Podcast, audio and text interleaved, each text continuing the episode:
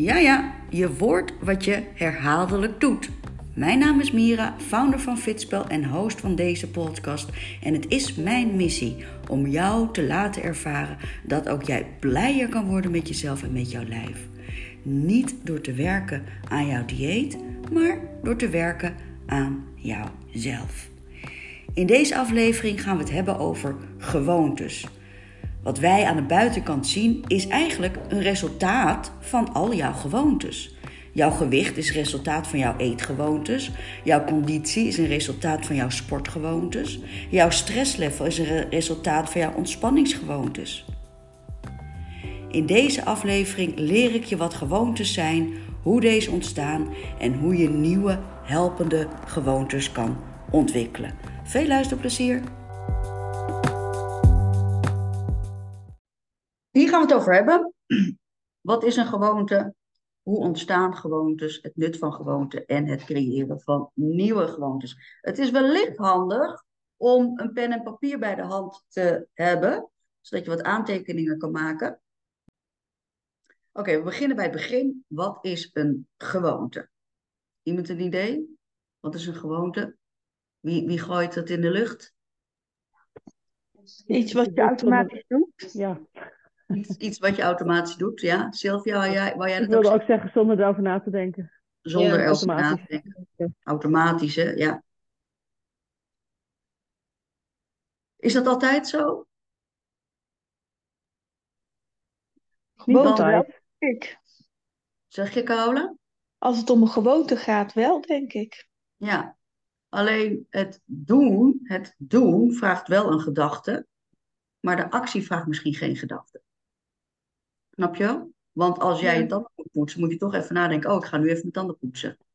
Ja, Hè? Dus dat geeft wel, dus het is niet helemaal gedachteloos, maar je bent niet meer aan het nadenken van hoe moet ik ook weer mijn tanden poetsen. Dat gaat wel overigens onbewust, maar de actie tot een gewoonte is vaak wel een bewuste keuze. Het, de actie zelf is vaak geen.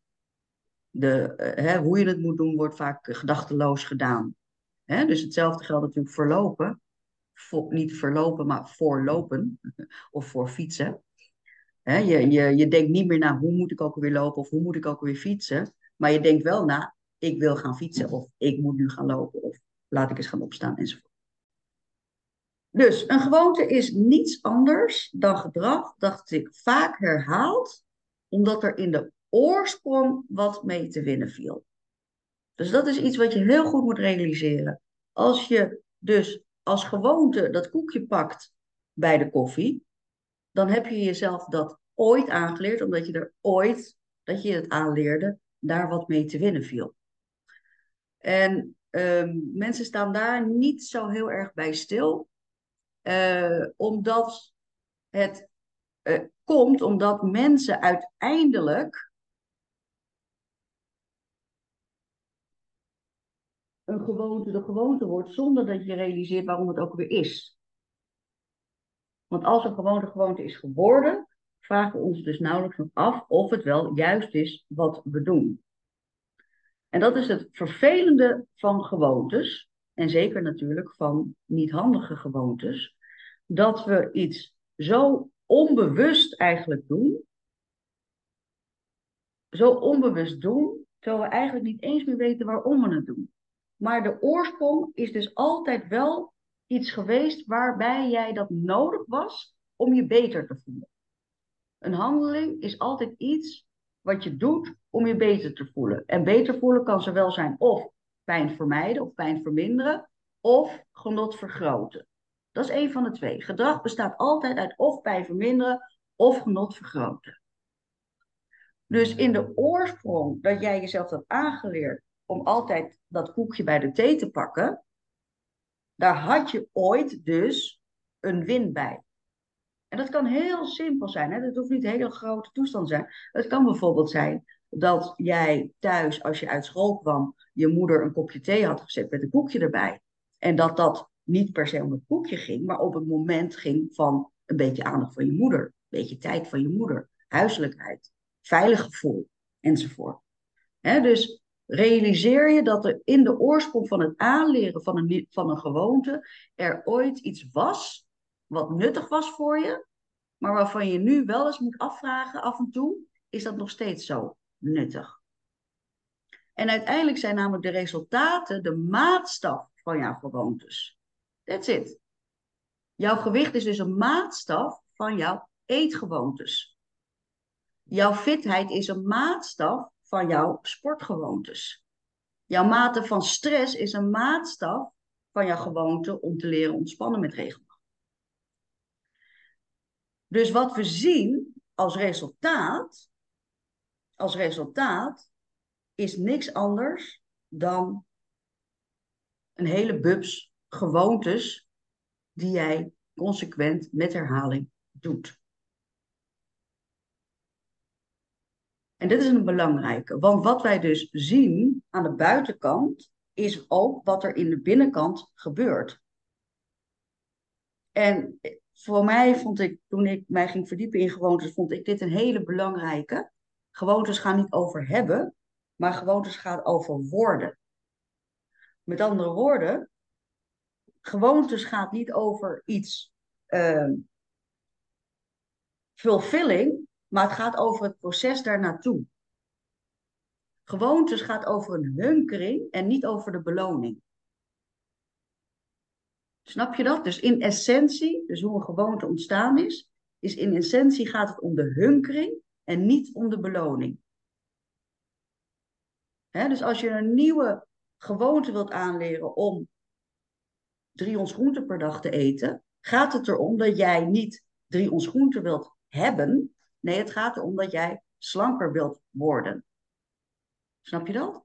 Als je een gewoonte gaat aanleren om regelmatig uh, een half uur of een uur te gaan bewegen uh, per dag, is het niet omdat je op dat moment het fijn vindt om te bewegen. Ja, misschien ook. Maar uiteindelijk wil je, doe je dat om fitter te worden. Hè? Om meer calorieën te verbruiken en daarmee slanker te worden.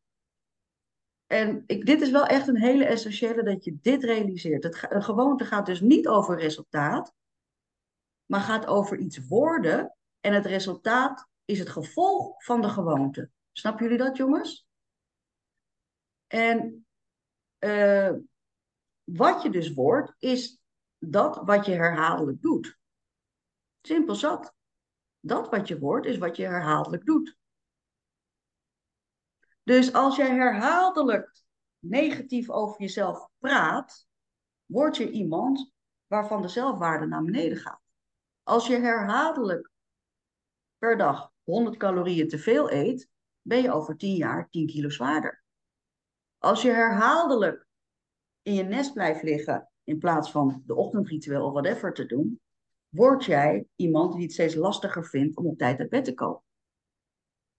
Dus wat je herhaaldelijk doet, is gewoon wie je wordt.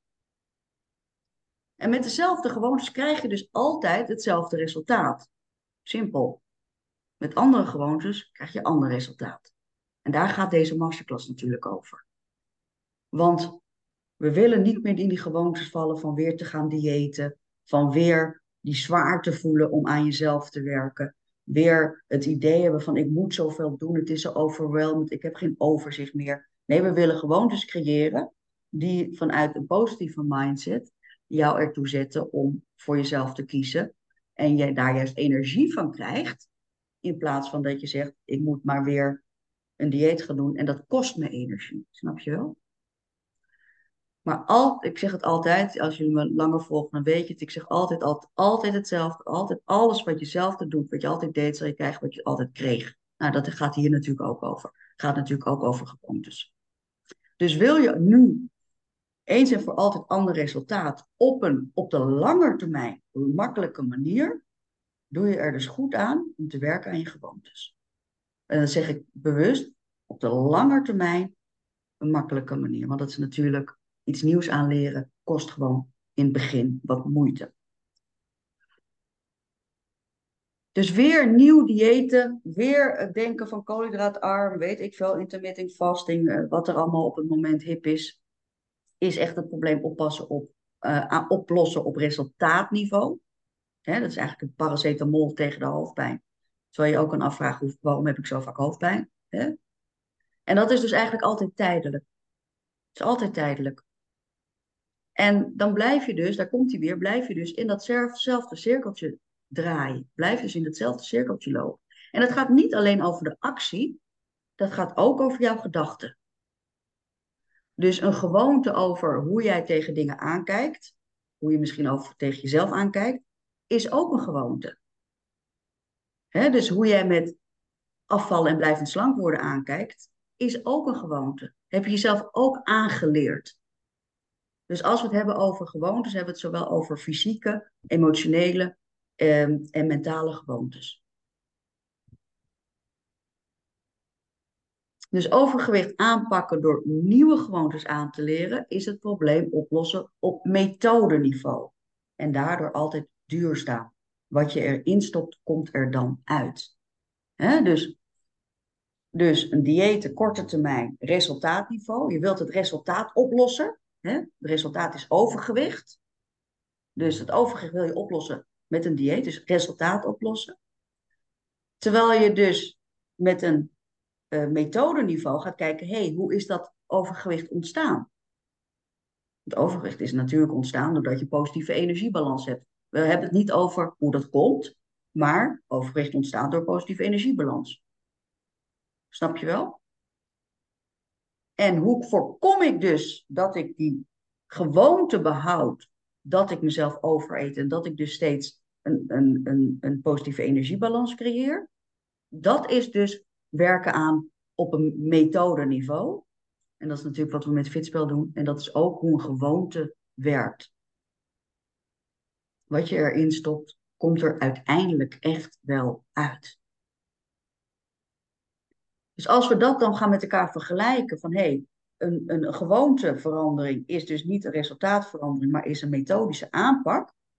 En omdat een methodische aanpak gaat over wat er bij jou van binnen gebeurt, spreken we ook wel over een methodische aanpak, is een identiteitsaanpak. En als je het hebt over een identiteitsaanpak, hebben we het natuurlijk over transformatie. En transformatie is dus echt dat jij jezelf anders gaat zien. Dus als ik het heb over ik ben slank, ik ben, ik, ik ben afgevallen omdat ik heb gedieet, hè, dan ligt dus, de methode, ligt dus de aanpak buiten jouzelf, namelijk het dieet, resultaatgericht.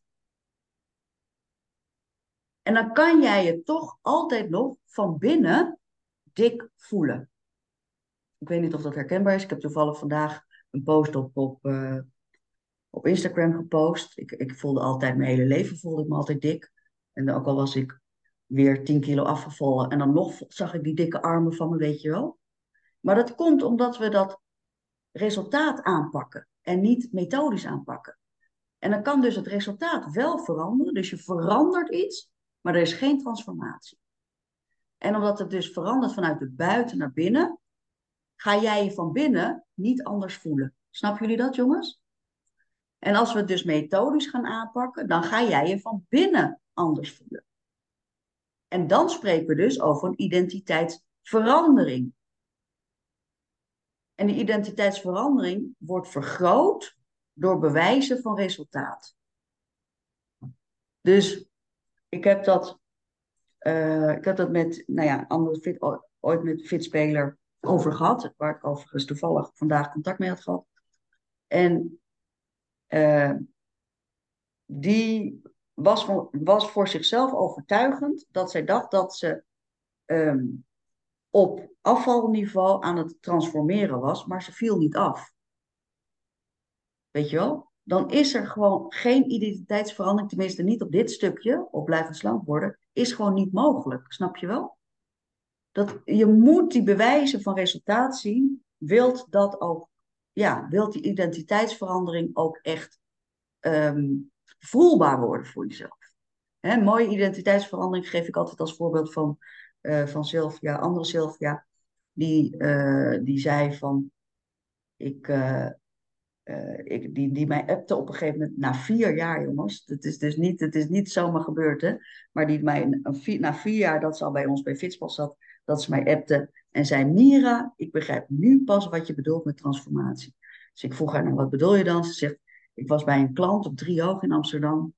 En die klant zei, daar is de lift. En Sylvia vertelde mij dat ze zichzelf hoorde zeggen, ik pak de trap, want ik ben sportief.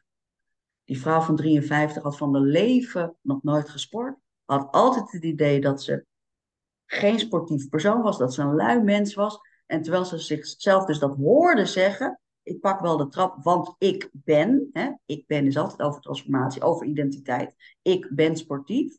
Toen viel voor haar het kwartje, zei ze, dat is transformatie.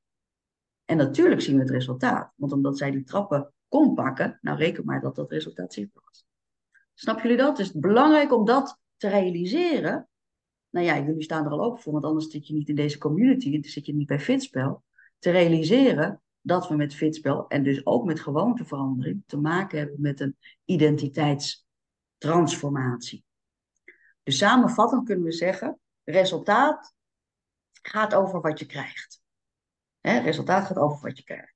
En resultaat, ik wil niet zeggen dat resultaat niet belangrijk is, hè?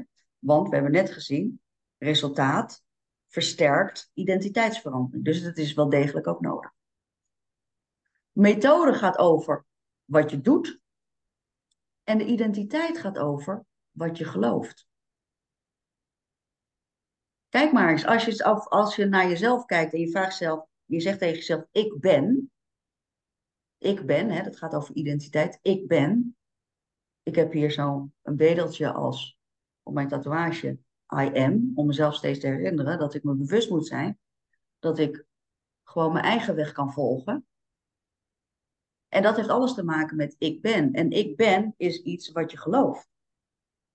Maar nou is het probleem altijd, of tenminste voor de meeste mensen die te maken hebben met overgewicht, is dat als je het hebt over ik ben en dan jouw gewichtsuiting, dat daar iets achter komt wat ook een geloof is. Ik ben dik bijvoorbeeld. Of ik ben zwak. Of ik ben iemand zonder discipline of iets dergelijks. Hè, dus als je dat tegen jezelf zegt en je gelooft dat, want als je iets zegt wat je ik ben en je gelooft dat, dan ben je dat ook. En dan alles wat je dan doet, alles wat je dan doet, is op resultaatniveau en niet op methodeniveau. Snappen jullie dat? Ja, dus Mira, kan je dan zeggen dat uh, inderdaad als je zegt over jezelf, ik ben zus of zo, dan heeft dat dus echt rechtstreeks te maken met je identiteit? Er is wel een verschil natuurlijk tussen affirmaties en echt iets geloven. En daarom, ik heb het vaak genoeg Ja, ik, maar ik, ik bedoel niet even affirmaties nu. Ik bedoel je echt bedoelt echt dat je het zelf als je, gelooft. Als je uit jezelf ongeluk iets zegt, dus dat is eigenlijk wat je gelooft. Dus als je dat dan Absoluut. zegt. Ja, absoluut. En affirmaties willen helpen, maar daar heb ik het vaak genoeg over gehad. En dan liever afformaties.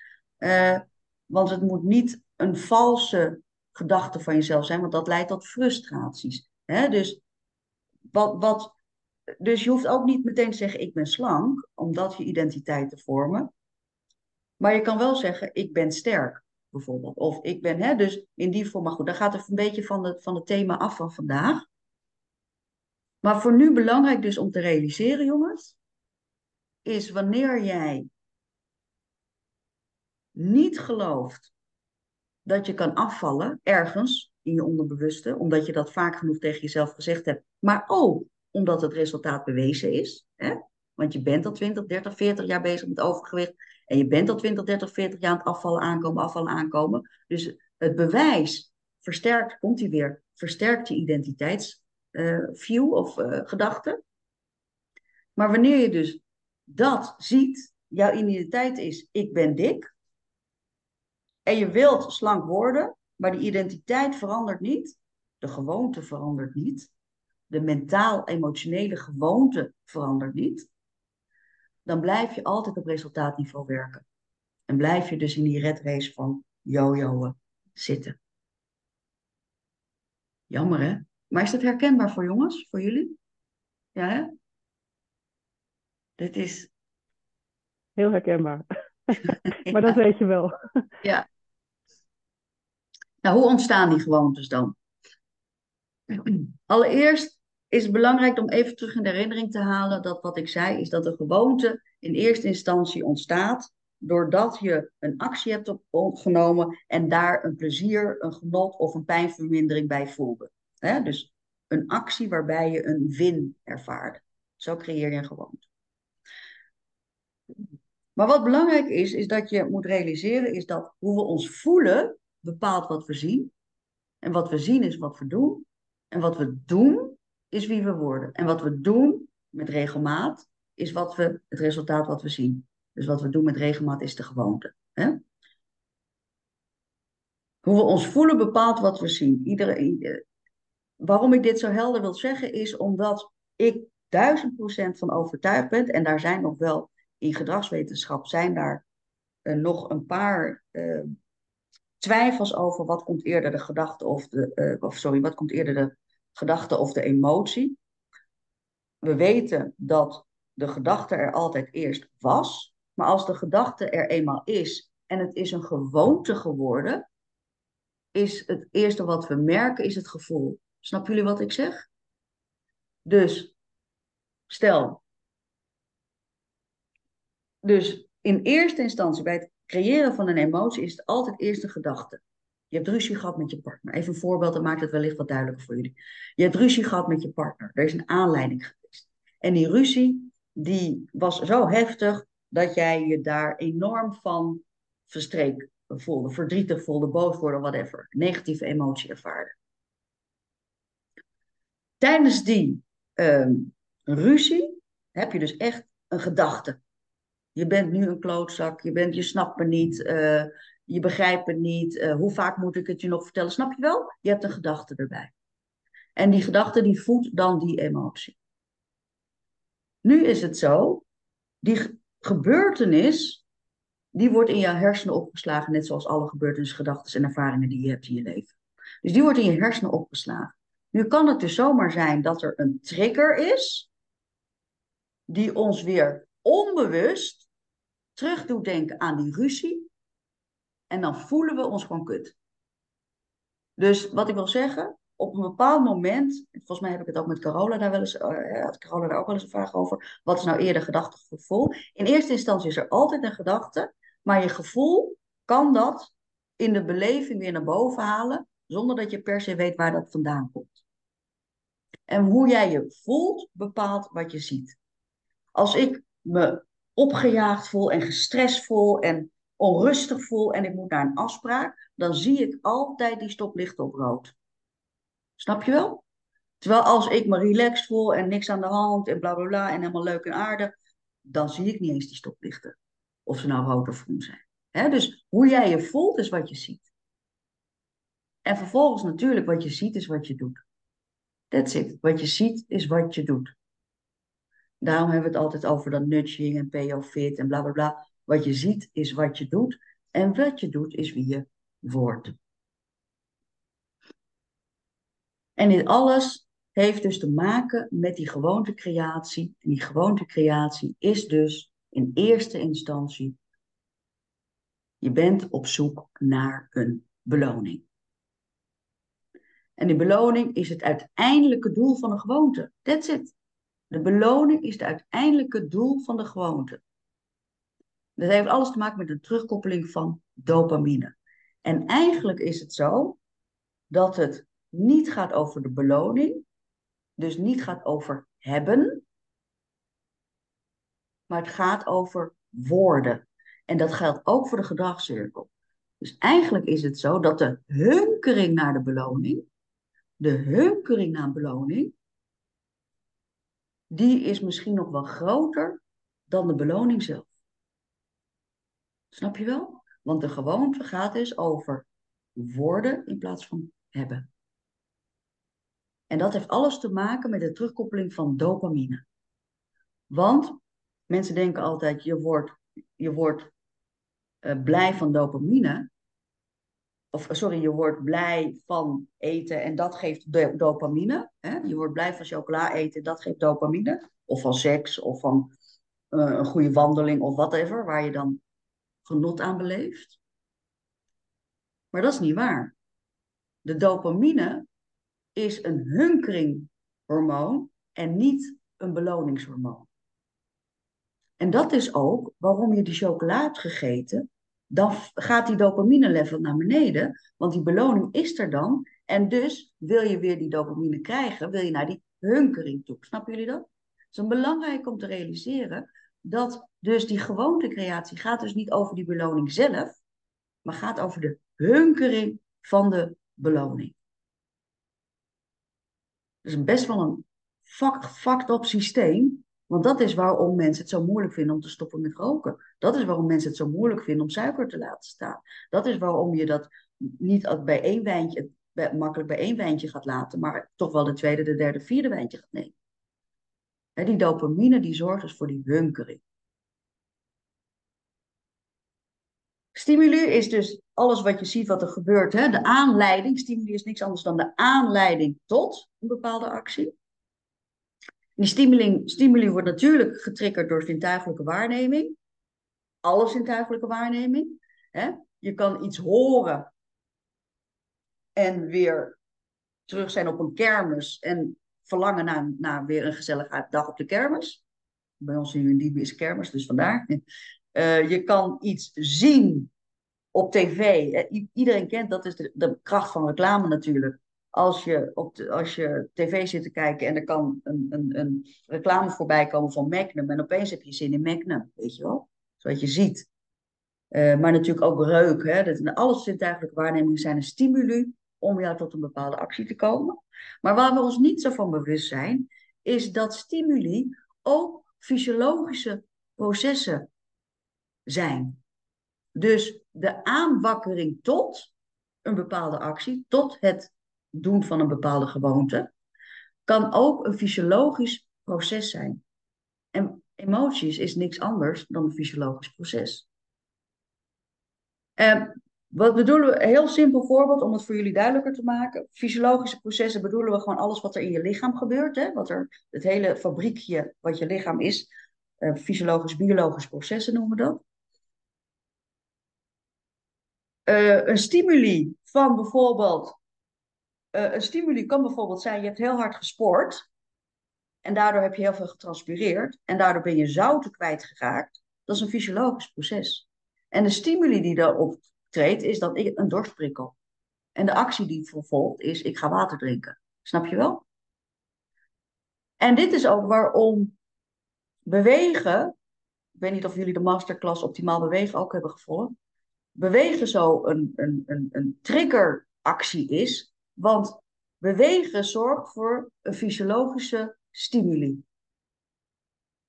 En natuurlijk doorsprikkende, maar ook hormonale veranderingen die ervoor zorgen dat jouw emotie beter gereguleerd wordt. Dat is waarom bewegen zo niet per se om energieverbruik. Ja, ook leuk en aardig. En ook fijn dat je beweegapparaat sterk blijft enzovoort. Maar vergis je niet in de fysiologische processen die bewegen met zich voortbrengen. Daarom is het zo belangrijk.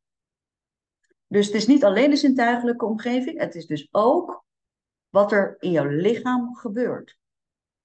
En een paar dingen die dus heel erg belangrijk zijn uh, hierop, de fysiologische processen waar dus een stimuli op uh, ontstaat, is bewegen. Slapen, voldoende slapen, goed slapen. Uh, gezonde voeding natuurlijk. Um, ja, en ontspanning. Dus, en voeding, ja, heb ik gezegd, gezonde voeding en bewegen en ontspanning. Dat zijn eigenlijk de kernacties die ervoor zorgen dat de fysiologische stimuli optimaal functioneren. Oh ja, en nog een hele belangrijke is natuurlijk je microbioom, waar we het vaker over gehad hebben. En microbioom is heel erg bepalend voor hoe je fysiologische processen de stimuli positief beïnvloeden. Snappen jullie wat ik nu zeg hier, jongens?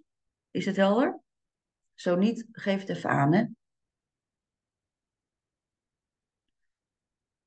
En um, nou, microbioom, ik heb er ooit een podcast over gemaakt. Um, kan ik wel even delen in de community. Maar dat doe je vooral natuurlijk door het eten van voldoende vezels, groente en fruit en um, voldoende water en voldoende bewegen. Dus de stimuli zorgt, hè, dus dat is de aanjager, zorgt voor een bepaalde actie, zorgt voor een bepaalde beloning. En dat wordt allemaal aangejaagd om hunkering. Belangrijk om te weten, denk ik, is dat je hersenen, even de tijd in de gaten houden, je hersenen hebben veel meer neurale systemen voor het verlangen van de beloning, die hunkering, dan het genieten van de beloning zelf. Dus hier zie je wel, het gaat over het worden in plaats van over hebben. Zie je het? Het gaat over worden in plaats van over hebben. Het gaat dus niet om die chips, het gaat over het gevoel wat jij denkt te krijgen doordat je die chips eet. Weet je wel? En natuurlijk komen er dan fysiologische stimuli aan te pas. Fysiologische stimuli, zintuigelijk door smaak, maar fysiologisch doordat er wat gebeurt in, jou, in jouw biologische machine, waardoor je waarschijnlijk door blijft eten van die chips. Maar je ziet ook hier weer dat je neuraal, jouw systeem is gebaseerd op meer op verlangen dan op het hebben zelf. Je lichaam heeft ongeveer 11 miljoen zintuigelijke receptoren en daarvan zijn 10 miljoen gewijd aan zicht.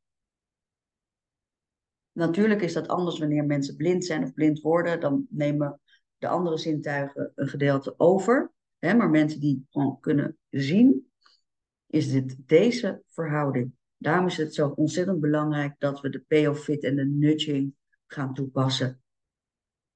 Ondanks, uh, en daar een intentie aan koppelen. Ondanks dat witte poppetje van jou, Ali. Misschien moet je eens een ander poppetje pakken als, als nudge om je aan je proces te houden.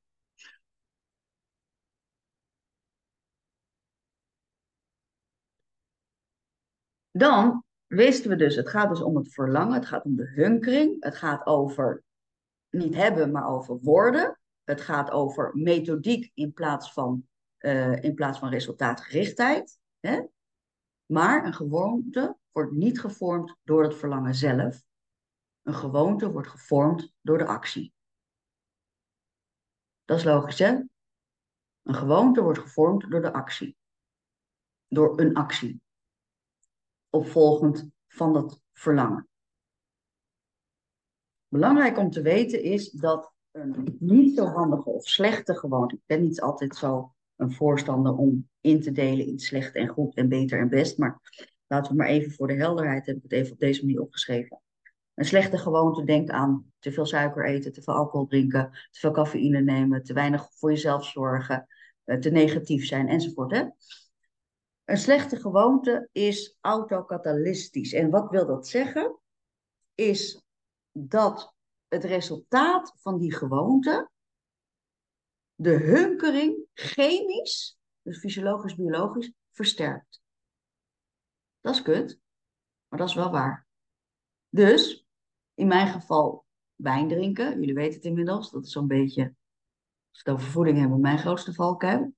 Wijn drinken. Dus het drinken van de wijn, in eerste instantie is de hunkering. Maar wanneer ik het omzet in een actie, een gewoonte van maak, wordt door die alcohol zelf het fysiologische proces veranderd, die de hunkering versterkt. Dus, en dat is ook waarom mensen zeggen van chocola is verslavend. Nee, het is autocatalystisch.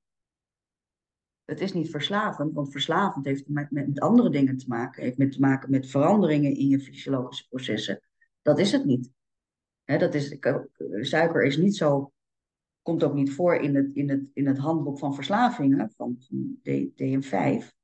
Nee, het is autocatalystisch. Dat wil dus zeggen dat de fysiologische respons, de fysiologische reactie, die zorgt ervoor dat je er meer van wilt hebben.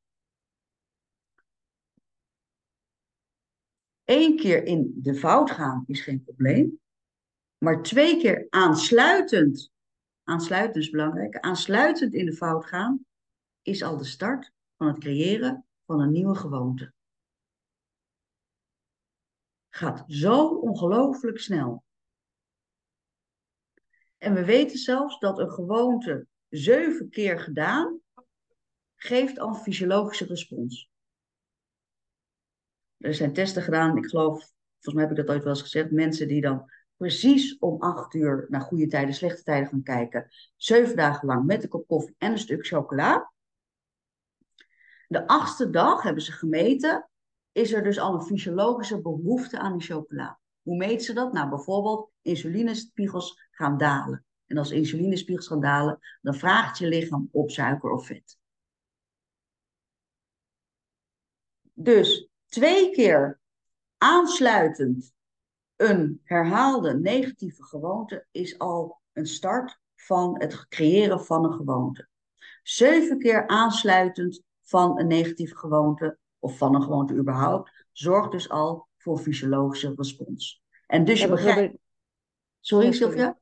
Nou, dan wilde ik vragen, is het inderdaad alleen maar met een slechte gewoonte of kan dat ook met een goede gewoonte dan? Ook met een goede gewoonte, daar willen we natuurlijk naartoe. Ja, ja zeker.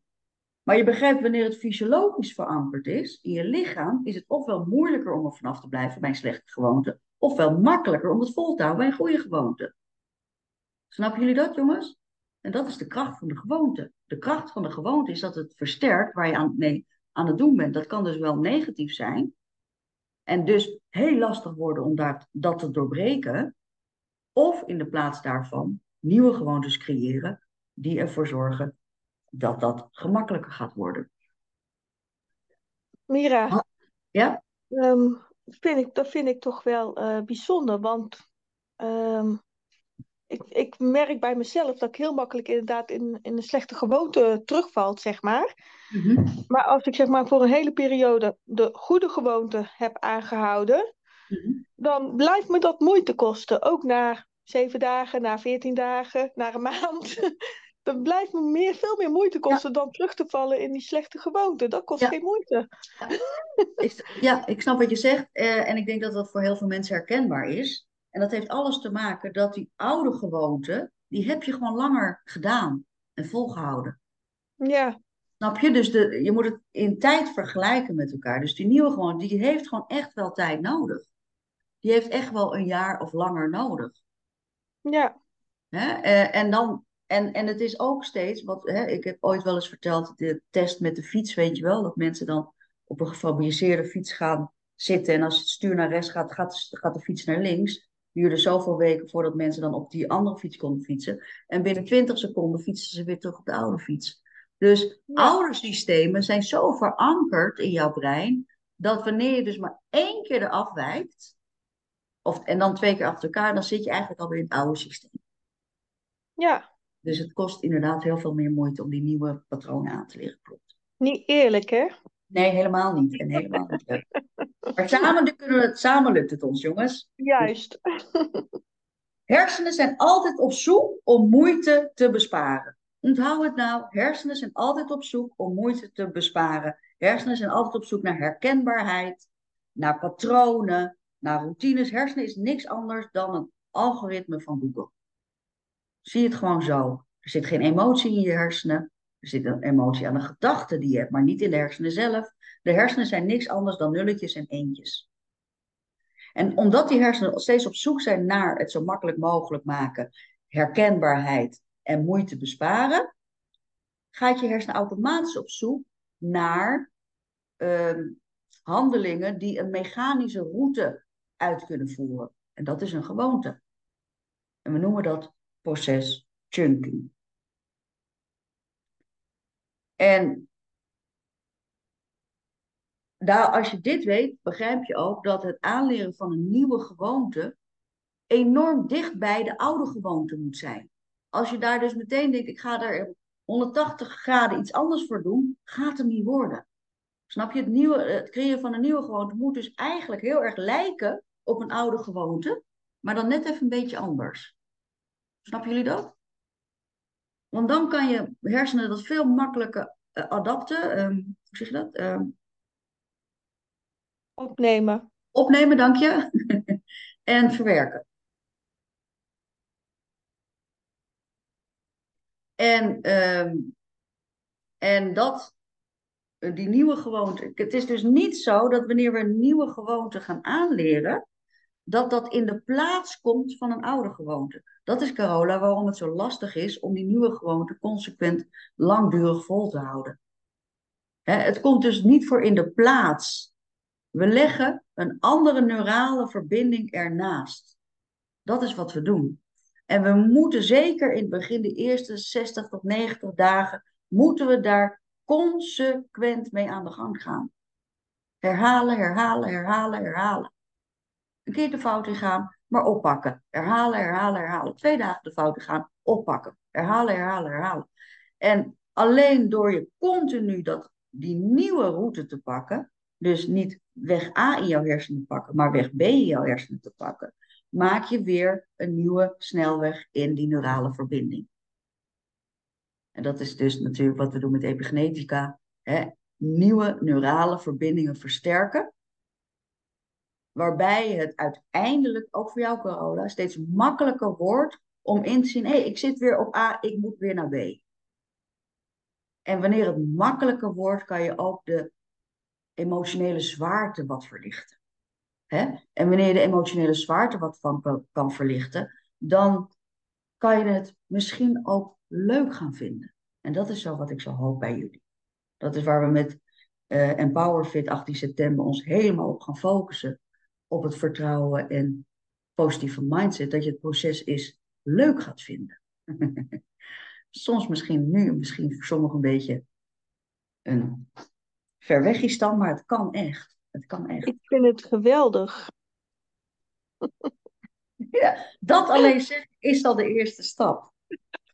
Het nut van gewoonte, jongens, is tenslotte maar één ding. En dat is het verminderen van cognitieve stress. That's it.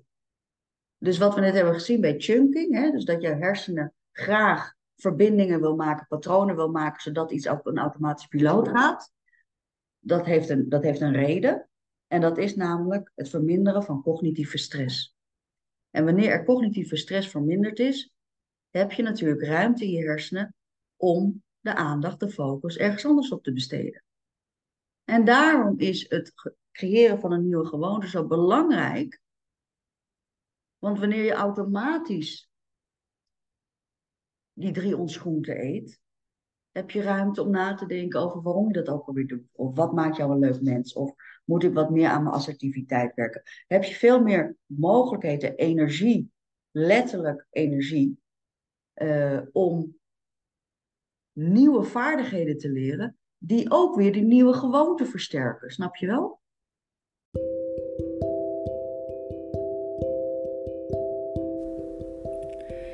Welke gewoontes wil jij veranderen? Welke nieuwe gewoontes zou je willen aanleren?